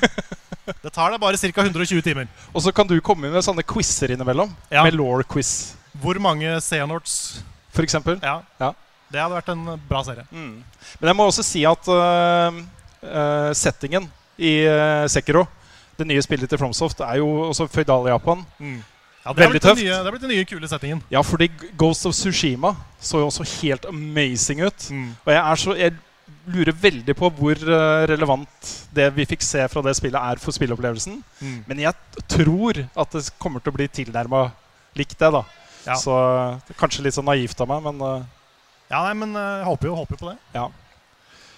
Ellers så Det var jo Det har vært mye diskusjon rundt omkring om Microsoft eller Sony var best E Ja. på E3. Vi eh, Hos oss har vi jo penneleken. hvor vi kaster penner hver gang vi blir hyped. Og eh, Sony vant i år. De gjorde det. Og det er også en litt sånn annen forskjell på vår redaksjon fra andre redaksjoner, tror jeg. Fordi vi er veldig glad i de presentasjonene som Sony har gjort de siste årene, hvor de setter seg ned med et spill, og så får du se en solid chunk av spillet. Du får se masse, og de tar seg tid til å bare bruke noen minutter på å gå over fjellene i Death Stranding. liksom. Mm. De tar seg tid til å la det synke litt inn, da. ikke bare prøve å blende oss med fete trailere. Ehm, og derfor så ble liksom også Sony vinneren for oss. da. Ja. ja, fordi på Microsoft så var det sånn Det var veldig mange spill. Eh, det var veldig korte trailere. Det var noen som var sånn der, tre bilder, og så bare Oi, det så kult ut! Og så fikk vi ikke noe navn engang. Ja. Det var sånn «Oi», Og så Nei. Og så borte. Mens eh, Nei, det, det er kult med Sony. At de, de, de venter litt. De lar det synke litt. De lar ting bygge seg opp. Så du får et, du får et litt sånn sterkere inntrykk av spillene de viser. Ja. Så Microsoft, Microsoft sin pressekonferanse var veldig god. Men alle de aller beste tingene, de som var det mest gira på, Mm. på Microsoft sin pressekonferanse, kommer også på PC og PlayStation 4. Ja. Cyberpunk Cyberpunk. 2077, f.eks. Ja. Som i etterkant, når jeg hører hva folk sier om den eh, faktiske gameplay-tingen som var behind closed doors på E3, så kommer du ut derfra og er sånn Dette er bare så mye bedre enn det de viste på eh, i trailer. da. Men da er det rart at ikke de viste gameplay. Ja, men det kommer, vet du. De, Da får du først den der hypen rundt eh, traileren og busset, ikke sant? Og så kommer, kommer det en gameplay-greie snart. Kanskje på Gamescom. Kanskje. Ja. Så ellers så, så jo The Last of Us eh, Part 2 også bare helt fantastisk ut. Ehm, Og så må jeg bare være han Kingdom Hearts-duden og si at den der Pirates of the Caribbean-traileren som de viste på Sony Jeg begynte nesten å grine. ja, det jeg skulle til å si det. Du begynte nesten å jeg grine. begynte nesten å grine. Ja. Det var helt, det er noe av det drøyeste jeg har sett. så jeg gleder meg allerede ganske hardt Mm. til det spillet. Nå, dette her blir det lengste halvåret ever. Nettopp. Og så må jeg også slå et lite slag for eh, det ene flotte norske bidraget som var der, i tillegg til eh, Mutant Year Zero, som også har eh, blitt vist fram på etere. Sable. Sable. Helt nydelig indiespill. Hvor Det er ikke- lyd- det er ikke et lyd- norsk spill. Lydbildet er lagd av Martin Kvale, som er norsk. Og han er veldig flink. Stemmer. Mm. Ok. Skal vi se. Du har ikke fått eh, spørsmål. Eh, ja, jeg heter André. Eh, Hva syns du om Battletoads? Hva syns du om Battletoads? Jeg har ikke noe forhold til eh, originale Battletoads. Nei, Jeg må skuffe, altså. Jeg har ikke spilt det. Nei. Jeg har sett mye video fra det. Jeg har skjønt at det er grisevanskelig. Ja, det er det jeg har hørt. Men eh, det er kanskje verdt å spille det første før, før det nye kommer. For det kommer jo et nytt Battletoads Det gjør det. med 80s, 90s attitude. Så det kan bli spennende. Vanskelig å bli gira på noe som jeg ikke har spilt. Ja. Mann med bart. Mann med bart. Ja. eh, hva mener dere er den dårligste videospillfilmen? Den, den dårligste spillfilmen. Dårligste filmen basert på spill, ja. Hmm. Jeg har ikke sett alle de Uwe Boll-filmene. Nei, jeg har ikke sett noen av de, tror jeg. Nei, kanskje ikke jeg heller. Men det er jo fordi de er dårlige. Ja, det er jo sant, det. Jeg har liksom null forventninger til eh, filmer basert på spill. Ja. Jeg, jeg må, det ferskeste eksempelet Jeg syns Assassin's Creed-filmen var Jeg tenkte på det. veldig dårlig. Det er den eneste gangen jeg har sovna på kino. Det var Assassin's Creed. Ja. Men det er jo litt fordi vi har så nært forhold til spill nå. ikke sant? Vi har Ja. spilt i spillene, og de er så engasjerende. I Mm. hvert fall på sitt beste, da. Og så kommer det noe som bare surfer gjennom de tingene på en litt sånn billig Ja, Ja. Det er, eh, det er sjelden bra. sjelden bra. Jeg har hørt også at den eh, Street Fighter Legend of Chun-Li Ja, den har jeg sett. Har du sett den? Den er ikke bra. Nei, for den har jeg hørt at er en av de verste. Ja, den er ikke bra. Nei. Så eh, Ja. Hm. Det kom vel to Street Fighter-filmer, gjorde det ikke det? Eller var det bare én? Jo, det, var, fl- det har kommet flere. Ja, nettopp. Men den første er vel litt sånn her eh, B-film bra. Ja, den var med Kylie Minogue og diverse. Oi, ja. var det? Ja, ja. For det er den med M. Bison som er alt mulig. Ja, nettopp. Ja. Og så Jeg kan jo det er, ikke, det er ikke det verste jeg har sett. Men jeg ble veldig veldig skuffa da jeg var liten og gikk for å se Final Fantasy på kino. Den var ikke bra. Og det var ikke noe Final Fantasy med den filmen. Så da ble jeg skikkelig skuffa. Helt bakerst. Helt bakerst. Da kan du si hei til eh, familien også mens du er der borte, Karl. Her sitter familien til Rune. Yes. Hei, jeg heter Øyvind. Dette er vel egentlig mer et eh, forslag enn et spørsmål, men siden eh, Muffins Media-videoen er blitt tatt opp i Kosekveld i det siste, så lurte jeg på om, eh, eller tenkte å foreslå en eh, sesong to av Roomies med Nick, Frida og Svendsen, men de karakterene de var i 71 grader no scope. Oi. Her ble det pitcha en sesong to av Roomies med Nick, Frida og Svendsen som de de var i Noscope. Det er en herlig idé, da. Det er en bra idé. Ja. Det um, er for, ja, Ideen får applaus, faktisk. Ja, faktisk. Ja. Vi, har, eh, vi har jo ideer til ting. Vi har det. Eh, Vi har ideer til en eh, Office-sitcom. Buffkitten AS. Buffkitten AS Ja. sitcom. Eh, vi har også, jeg har også en liten drøm om å lage en sesong to av Noscope på et hotell i Syden. Nettopp. Da tar jeg liksom Paradise. eh, Paradise. ja. Ja. Eh, for det er jo allerede en del Paradise i Nettopp. Noscope. Ja, det er det. Så det hadde vært en sånn perfekt med, Gjerne også med Triana som siste boss. ja, det hadde, vært, det helt aller konge. beste. Det hadde vært helt konge. Men, eh, men ja. Jeg føler eh, Når det kommer til roomies, så føles det litt feil å fortsette uten Ole. Ja. Synes jeg. Og han, er ikke, han er ikke, han driver ikke med YouTube lenger. Så eh, det spørs om det Der må jeg skuffe litt, altså. Men det, Fordi- blir, det blir noe nytt, og vi kan lage, vi kan lage Det gjør det. bra ting. Fordi eh, vi, jeg fikk i hvert fall veldig sånn gleden tilbake av å lage noe sånt som Noscope. Så det å ha de samme, kanskje de samme figurene, kanskje litt nye Vi har jo en idé om liksom å ha Frida som en slags CEO for et Mm. Nettopp. selskap. Og det tror jeg hadde vært kjempebra. Men det er jo faktisk en eh, sånn Vi har jo lyst til å ha Frida som eh, toppsjef i selskapet vårt. Ja, ja, På ordentlig. På ordentlig. Det har vi. Hun er den desidert mest organiserte i hele Level Up. Oh, yeah. Jeg tror hun er mer eh, organisert og ryddig enn resten av oss til sammen. Jeg tror det. Ja. Jeg tror det, altså. Men eh, det er jo et eh, kostnadsspørsmål. Altså, du brukte Hvor mange timer brukte du på å klippe dette her, Carl? Tror det var 300 Ikke sant? i etterarbeid. Nettopp. Og også ganske mange tusen kroner Ja. på Airbnb-leiligheter og sånn. Nettopp. I tillegg til at alle skuespillerne jobba jo gratis. Det gjorde de. Og det, det, har- det har jeg ikke helt samvittighet til å spørre om igjen. Nei, vi må prøve å få finansiert det på et eller annet vis. Men vi har, vi har veldig lyst til å gjøre det. Vi har lyst til å gjøre et par sånne i året. Mm. I tillegg til alt det andre vi gjør. Så hvis vi får eh, muligheten til det økonomisk, så gjør vi det, altså. Ja, I hvert, hvert fall én i året. I hvert fall én i året, da. Ja. To er bare sånn «Åh, herregud». men, eh, men ja. Det er mye jobb, men det er veldig, veldig gøy. Du har ikke stilt eh, spørsmål? Nei. Hei, eh, jeg heter Håkon, og jeg lurte på hva dere syns om at eh, Norge skal ha noen eh, baner i det nye Battlefield-spillet. Hva syns vi om at Norge har noen baner i nye Battlefield?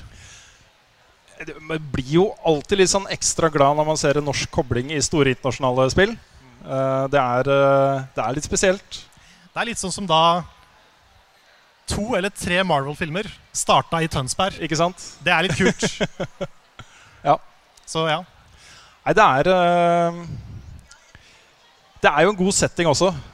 Altså, det norske landskapet er jo d- d- flott. Det ser jo utrolig vakkert ut. Og det å ha det i en sånn setting eh, makes sense. Det skjedde jo ting i Norge som er eh, verdt å ta opp i et eh, spill som handler om andre verdenskrig også. Absolutt. Og Jeg liker litt den tanken de har nå med Battlefield 5, om at de har, eh, nå har de liksom overtagelsen av Europa som starten, og så skal de introdusere nye arenaer fra andre verdenskrig etter hvert. Så det blir sikkert eh, Pacific, kanskje tilbake til Wake Island og ting fra gode gamle 1942. Ehm, men at vi starter her. Så jeg, jeg liker den måten å jobbe på, da. Men det blir gøy. Det blir spennende å se det norske, særlig i War Stories. Og få se hvordan de løser, eh, løser liksom andre verdenskrig i Norge. Yes. Ok. Er det noen som ikke har eh, fått ennå? Det er ikke stilt eh, spørsmål Nei, her. du har ikke stilt spørsmål. Nei. Ja, Nils Olland, jeg må først som en del av staben fra Minecraft Serveren si tusen takk for all støtte og reklame vi får fra dere. Og Dere gjør en kjempejobb. Og så kommer jeg med et spørsmål. Har dere noen spillsjangre dere ikke har prøvd, som dere skulle ønske dere var gode i? Bra spørsmål. Bra spørsmål. Um, Spillsjangre vi ikke er gode i. Som vi skulle ønske vi var gode i. Jeg eh, har mi- Altså, min det er, det er nesten en litt sånn derre jeg, vet- jeg vet ikke hva jeg skal kalle det, men turbasert slåssing. Ja. Har jeg alltid vært litt sånn Nei, jeg syns ikke det er så gøy, jeg. Men så tenker jeg liksom at det er Jeg hadde kommet over den kneika hvis jeg Ja. bare hadde gjort det. ikke sant? Men det, det tror jeg òg. Ja. For jeg har, jeg har en liten teori om at vi to egentlig har veldig lik spillsmak. Ja da, vi har- men har at vi det. bare har blitt utsatt for forskjellige ting. Det tror jeg også. Så, så jeg tror det fins turbaserte spill for deg. Ja, det tror jeg også. Men jeg har alltid liksom foretrukket mer direkte slåssing, ikke sant? Ja. Så um, Men det er en, det er en kneik, som du sier. Ja. At det, så fort du liksom setter deg inn i det, så setter Mm. du pris på den der litt mer strategiske ja. greia. Jeg har jo oppdaga sjangre og ting som jeg ikke trodde var noe for meg i nyere tid. Vi har jo en, en spalte som handler om det. Ja, vi har det. Så det, det gjelder jo meg òg. Mm. Wolfenstein hadde jeg jo kanskje aldri spilt hvis ikke det var for Nei, det er sant. Så um, Nei, ting jeg skulle ønske jeg var bedre i. Jeg skulle ønske jeg var god i PubG. For det har jeg spilt såpass mye og vært veldig veldig dårlig. Så det har vært litt gøy å få liksom noen flere kills. Det hadde jeg satt pris på. Um, ellers så savner jeg strategispill. Jeg spilte veldig mye RTS da jeg var liten. Dune og sånn. Men eh, der er dette litt av. Mm. Så um, hvis det hadde kommet liksom, et nytt Command and Conquer, eller nytt Dune, nå, så hadde jeg hatt en unnskyldning til å bare sette meg inn i den sjangeren igjen. Mm. Og det hadde vært litt gøy. Så um, jeg venter liksom på den unnskyldningen. Jeg tror kanskje jeg hadde foretrukket å bare bli enda bedre eh, i ting jeg allerede er sånn semigod i. Ja. Å ha sånn derre gudbenådet hånd-øye-koordinasjon, f.eks., i skytespill. Ja, være nikk. Være nikk. Ja. enda bedre nikk, til og Enda med. bedre nikk. ja. Bare være ordentlig sånn pone noobs-modus. Det hadde vært eh, kult, men det er nok ikke eh, oppnåelig. Mm. Ok. Bak der, kanskje? Ja. Hei, siden dere snakker om spillere ikke spiller så mye, hva med, hva med skrekkspill? Hva med fire versus én skrekkspill? Fire versus én skrekkspill. Ja, det har kommet noen av de. Det er jo, hadde vært kjempegøy å streame det. Eller å lage noe på det. Med Friday the flere. 13th og sånn. Hva sa du? Ja, Friday the 13th og sånn. For eksempel. The Hunt er vel også Dead by Daylight. eh, Dead som by Daylight. blir Sagt her. Det er um, Det er ett problem med det. Og det er det at vi må ha fem spill. Vi må ha fem spill. Så det koster litt penger. Ja, det er nok eh, det er, det er vanskelig å få til. Ja. Det er ikke det samme at én av oss går ut og spiller med randoms. Nei, det er ikke det. Det er mye mye morsommere hvis det er eh, du som er monsteret, eller uh, Svendsen eller et eller annet. Ja. Da blir det en mye kulere opplevelse. Vi hadde jo en eh, Evolve-session en gang. Ja. Og det er den ene gangen jeg spilte, det- spilte Evolve. Fordi Svendsen var monsteret, og da var det gøy. Ja. Ellers var det ikke så gøy, syns jeg. Nei, det tapte seg ganske fort, Gjorde dessverre. det. Men det skjer masse der. Særlig i The Hunt syns jeg ser eh, Ja. tøft ut, altså. Jeg ser du har hatt han oppe mange ganger. Først vil jeg bare si at eh, jeg vil levere den her til dere, men ikke les den nå. Um, og så vil jeg spørre om eh, hvordan eh, følte eh, Jeg glemmer navnet fort, men hvordan følte dere når Level Up eh, kom på VG for første gang? Sånn når dere fikk svaret, liksom. Hvordan, eh, hva følte vi når Level Up eh, kom på VG for første gang? Du, altså det å, jeg har jo jobba med spill i VG ehm, Det var i nesten 18 år da jeg slutta. Så det hadde jo vært eh, Jeg var jo spillansvarlig, eh, men det hadde jo vært mye tekst. Eh, og sånn på midten av 2000-tallet så begynte jeg å lage noen utrolig dårlige videoanmeldelser og sånne ting. Shadow of the Colossus var- For eksempel, for Ja. eksempel. La oss ikke snakke så mye om det. Ehm, men hele tiden så har jeg hatt veldig eh, ålreite sjefer som har eh, skjønt at eh, jeg kanskje kan mer om det saksområdet enn det de kan. Eh, og så har det jo blitt fulgt opp med at folk har likt det. Altså det har vært ganske populært stoff. eh, var i hvert fall det. Eh, og da vi starta Level Up, så var det ikke noe vi fikk beskjed om å gjøre. Det var noe vi bare gjorde. Og så vi, ja, som veldig mye annet i VG, så var det bare en god idé Ja. som ble gjort. Ja, fordi det er lett å tenke at i VG så er ting veldig strengt. er ikke det. Veldig sånn eh, Du må gjennom sånn mange ledd for å få et program på VGTV, f.eks. Det er veldig lett. Mm. Og eh, vi så jo veldig lite til resten. Ja da, vi hadde god backing av folk Ja. eh, som, som sikkert eh, hadde sagt fra hvis det ikke hadde gått så bra. Og det gjorde jo det til slutt, kanskje. Men eh, eh, Level Up var, kom fra grasrota. Det var ikke noen som eh, bestemte seg for nå skal vi ha spillmagasin. Det var Endre eh, først og fremst og jeg som eh, ville ha et spillmagasin på VG VGTV. Og da bare lagde vi det. Og For en herlig mulighet å ha, da. Ja. Å bare si, gjøre det, liksom. Det er kjempebra. Ja, Jeg, jeg begynte jo ikke før sesong tre. Nei. Men jeg husker, at, eh, jeg husker da, VGTV, da, da Level Up kom, så så jeg det på VGTV. Og da var jeg først litt sånn Ok, spillmagasin på norsk. Da håper jeg de har fått inn litt flinke folk og er litt skeptisk. Og så så jeg første episode, og så var jeg faktisk eh, Da ble jeg imponert. Ja, både Endre og Carl Thomas eh, gjorde seg veldig godt på skjermen. Flinke folk, altså. Ja. Så Jeg husker den der herlig kleine high fiven på slutten. Ja, det- den- da var jeg solgt. Det var sånn, nå, Dette er koselig. Ja. Så ja, det var jo for så vidt hell i uhell at eh, både Endre og Carl Thomas eh, slutta. Ja, da, Eh, da var jeg ferdig på skolen, så da Ikke bare sant? hoppa jeg på søknad. nettopp. All Og Så right. er det noen som ikke har fått eh, ja, stilt Du har eh, ikke stilt spørsmål.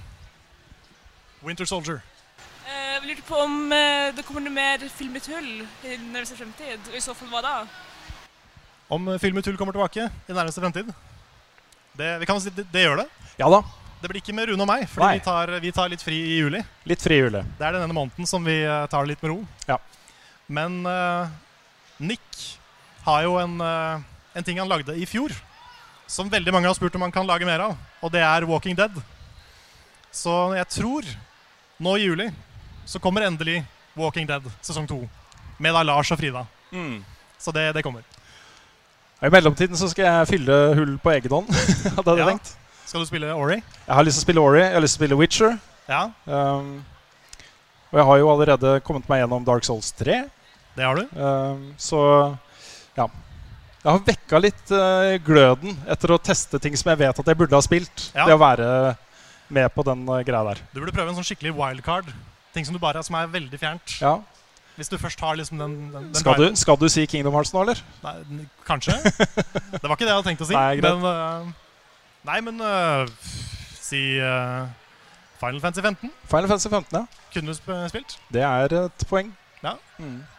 Jeg vet ikke hvor mye mer tid vi har igjen eh, ja, nå, Karl. Nei, skal vi se. Vi har tid til noen få spørsmål til, altså. Ja. Skal vi øh, Det er he- helt bakerst. Du har ikke spurt. Hva dere syns om eh, Cuphead? Hva syns vi om Cuphead? Cuphead, ja. Jeg har jo spilt det. Ikke så mye. jeg eh, Jeg elsker Elsker eh, designet på det spillet. Det er liksom bare den Det er så mange av de spillene som det blir en sånn kneik å komme over og faktisk sette seg ned og s- komme til slutten. Du vet at det, her må du jobbe, og så får du betalt tilbake, da. Eh, men jeg har ikke klart å komme over den kneika for min egen del. da. Men visuelle stilen, designet, eh, musikken Alt er jo bare helt fantastisk. Så eh, med min lille begrensa erfaring med det, så Jeg, ehm, jeg spilte det. Jeg likte det ikke så godt i starten. eh, og det er, fant jeg ut fordi jeg spilte det i coop. Og eh, ikke no, no, altså no offense de jeg spilte med, men det er så mye vanskeligere i coop. Var det Bjørn? Det var blant annet Bjørn. Ehm, og Bjørn var god, altså. Men, men når jeg testa det aleine, så digga jeg det. For da var det så mye lettere å få kontroll på hva som skjedde. Litt færre ting som skjedde på skjermen samtidig. Og da, da ble jeg glad i det. Så nå, nå er jeg veldig fan. bra. Hva syns dere om Elder Scrolls 6? Hva syns vi om Elder Scrolls 6? Foreløpig er det jo vanskelig å synes noe om det, egentlig. Det, det var jo en, eh, en skog med litt bygninger. Det var et fjell. Et fjell. Det var det. Ja, og en tittel. Ja, en halv. En halv tittel. En halv tittel. Jeg, s- jeg skulle ønske de hadde reveala det på en litt kulere måte. Fordi det var på en måte en screensaver og en tittel. Mm. Så jeg blir litt skuffa over måten de reveala det på. Det sier sikkert litt om hvor tidlig det er. Men øhm, jeg er jo kjempegira på at det kommer. Men jeg skjønner, jeg skjønner jo at folk har forventninger også, fordi eh, det har liksom Fra Morrowind til Oblivion til Skyrim Det har skjedd ting liksom fra gang til gang. Og med alt de har lært, alt de lærer av Fallout, alt de lærer av Starfield, som de også jobber med, Mm. og putte det inn i noe nytt Ja. Det er klart man blir gira på det. Ja, ja. Jeg er veldig gira på, at, øh, alt- på å få spilt det. Ja. Men jeg er redd for at det ikke skjer før 2022 eller noe sånt. Eller noe sånt. Så det er nok, er nok lenge å vente. Men Mm. eh, den dagen det kommer, da, da kjøper jeg det på launch. Jepp. Skal vi ta to spørsmål til? To spørsmål til. To spørsmål til. Det er en bak der som ikke har stilt. Eh, ja, hei. Jeg heter Matt Jørgen. Eh, hva forhold har dere til mer strategiske skjøtespill, som belønne strategisk tenkning, som f.eks. Rainbow Six Siege. Ja, hva- hørte du spørsmålet? Ja da, eh, Hva slags forhold vi har til mer strategiske skytespill? Jeg har spilt en del av de eh, før. og Jeg husker da første Rainbow Six kom. eh, var jo det en utrolig kul eh, ny retning for skytespill. Det var en revolusjon for den sjangeren. For da, fram til det så hadde jo ting vært mye mer kjapt. Eh, her måtte du sette deg ned og planlegge. Og det er veldig gøy, men det er lenge siden jeg har liksom satt meg ordentlig ned og spilt et sånt spill skikkelig. Eh, men det er veldig gøy med et lag du spiller fast med, først og fremst. Så eh, skulle gjerne gjort det mer, altså. Og særlig Rainbow Six ser dritbra ut. Nye. Nå, nå skal faktisk jeg være han som tar opp Destiny. Fordi jeg har ikke, jeg har ikke spilt så mange strategiske sky- skytespill, men noen av de raida i Destiny, de er jo litt sånn De blir en sånn dans. Hvor du må liksom du må hoppe opp der og bort sånn og bak der, og så må du inn der. Og så skal du gjøre sånn, og så du du gjøre Ja, sånn, ja. og du gjøre Det sånn. er sånn og- synkronisert eh, dansenummer. Og det er litt kult. Det er litt den samme tingen. Sånn, eh, I disse taktiske skytespillene så er det gjerne sånn at du skal breache eh, et rom. ikke sant? Mm. Så må du vente. Alfa må være klar, og Bravo må være klar, og så går dere inn på samme signal. og sånne ting. Ja. Det er litt, litt det samme. Det er utrolig spennende. da, Intenst. Det er det. Og det var jo Rainbow Six som skapte Counter-Strike. Fordi folk syntes eh, Rainbow Six var litt vanskelig. Hm. Så, eh, så han som lagde Counter-Strike, var sånn "Vel, La oss lage en litt kjappere versjon av det, liksom. Så ble det skapt. Ok, Da har vi ett spørsmål. Et jeg, siste Jeg spørsmål. ser han som sitter der, har ikke stilt spørsmål ennå. Nei. Da blir du siste spørsmål. Hei, jeg heter Sebastian. Jeg bare lurte på om dere skulle være med på Spillekspo neste år. Skal vi være med på Spillekspo? Vi eh, hadde jo lyst til å dra på Spillekspo i fjor. Vi fikk ikke pressepass. Nei, det er litt morsomt. Er det, er det litt rart, eller? Det, er, det som er rart, er at hvis du søker på, i hvert fall hvis du søkte på pressepass det året, så kom det opp et bilde av Rune og meg. Som liksom eksempel på presse. Og vi fikk ikke pressepass. Mm. Nei, vi gjør ikke det. Så da, da valgte vi å ikke dra. Ja, altså vi, det er jo kostnadsspørsmål også. Ja da. Og så hadde vi ikke lyst til å stå og grine oss til pressepass ved inngangen. Nei. Det er liksom Det kan hende det vi er har, litt nedverdigende. det kan hende vi har sagt et eller annet negativt om favorittspillet til han fyren som gir det. pressepass. Et eller annet. Kanskje han ikke liker oss. Nei, jeg men, vet eh, ikke Jeg vet ikke hvem som styrte med det engang. jeg, altså. Nei, Så jeg vet ikke hvorfor ikke vi fikk. Men eh, vi får se i år. Vi får se. Vi syns jo det er morsomt at noen prøver å lage en skikkelig spillmesse i eh, Norge. Nå var vi jo litt kritiske til eh, ikke da fjorårets, men året før der. At det kanskje mangla litt sånn kultur. Også kulturfokus. Ja. Spillkultur. Ja. At det var mye eh, corporate stands eh, kontra ting som er litt, litt mer følelser i. da. Mm. Eh, ikke noe galt med at Mikkel står og kaster T-skjorter. Nei, nei, altså, Det- altså han Mikkel bare- er jo, han er jo Hvordan han finner energien til å holde på sånn som han gjør, det er helt Nei. vanvittig. Men eh, man må ha et hjerte i en sånt arrangement, og det var kanskje det vi var litt sånn på, da. Kanskje Ja. det var derfor vi ikke fikk presspass. Ja, kanskje, Karl, jeg vet kanskje, ikke. kanskje vi var for kritiske. Kanskje. Men eh, vi håper vi får til Vi håper de får til noe bra. Ja. For da er vi eh, Det er all over it. altså- Det, det hyggelige med å være på Spillekspo, det er jo samme som å være her. Ja. Det er liksom treffe folk, eh, se kule ting, cosplay, det ene og det andre. Ja. Det er på en måte den der eh, community-opplevelsen. Mm. Det er det som i hvert fall gjør at jeg vil dit. Norges eh, beste community er spillcommunity. Ja. Vårt community er det Vårt- beste vårt spillcommunity. Ja, i hvert fall det, det, det aller meste av spill. Ja da, jeg Så er det, det er noe dritt på sida, men det kan vi ignorere. Greit, men eh, tusen takk til eh, alle eh, dere flotte menneskene som kom for å høre oss svare på spørsmål. Ja, Veldig hyggelig at folk kom. Veldig mye bra spørsmål. Bra oppmøte. Alt mulig. Man blir alltid litt, eh, litt bekymra for at ingen kommer, Nettopp. men eh, det trengte vi ikke å bekymre oss for. Og så var det noen hender som ikke hadde hørt, oss, hørt om oss fra før her. Og eh, det eh, finner dere ved å bare søke opp Level Up Norge. Yes. På YouTube og Twitch og podkast og Yes. alt mulig rart. Det aller meste finner dere på YouTube. Ja, aller meste på Der, YouTube. der er liksom alt samla. Ja. Og Facebook. Og Facebook. Ja. Yes. Greit, greit. Tusen takk for oss.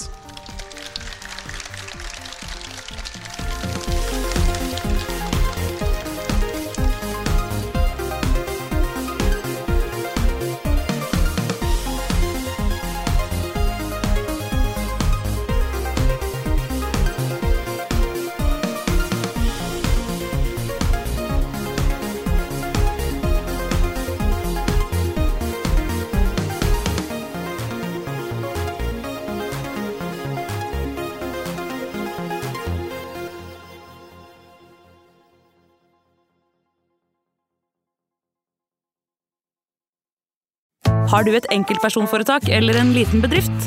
Da er du sikkert lei av å høre meg snakke om hvor enkelt det er med kvitteringer og bilag i fiken, så vi eh, gir oss her, vi. Fordi vi liker enkelt. Fiken superenkelt regnskap.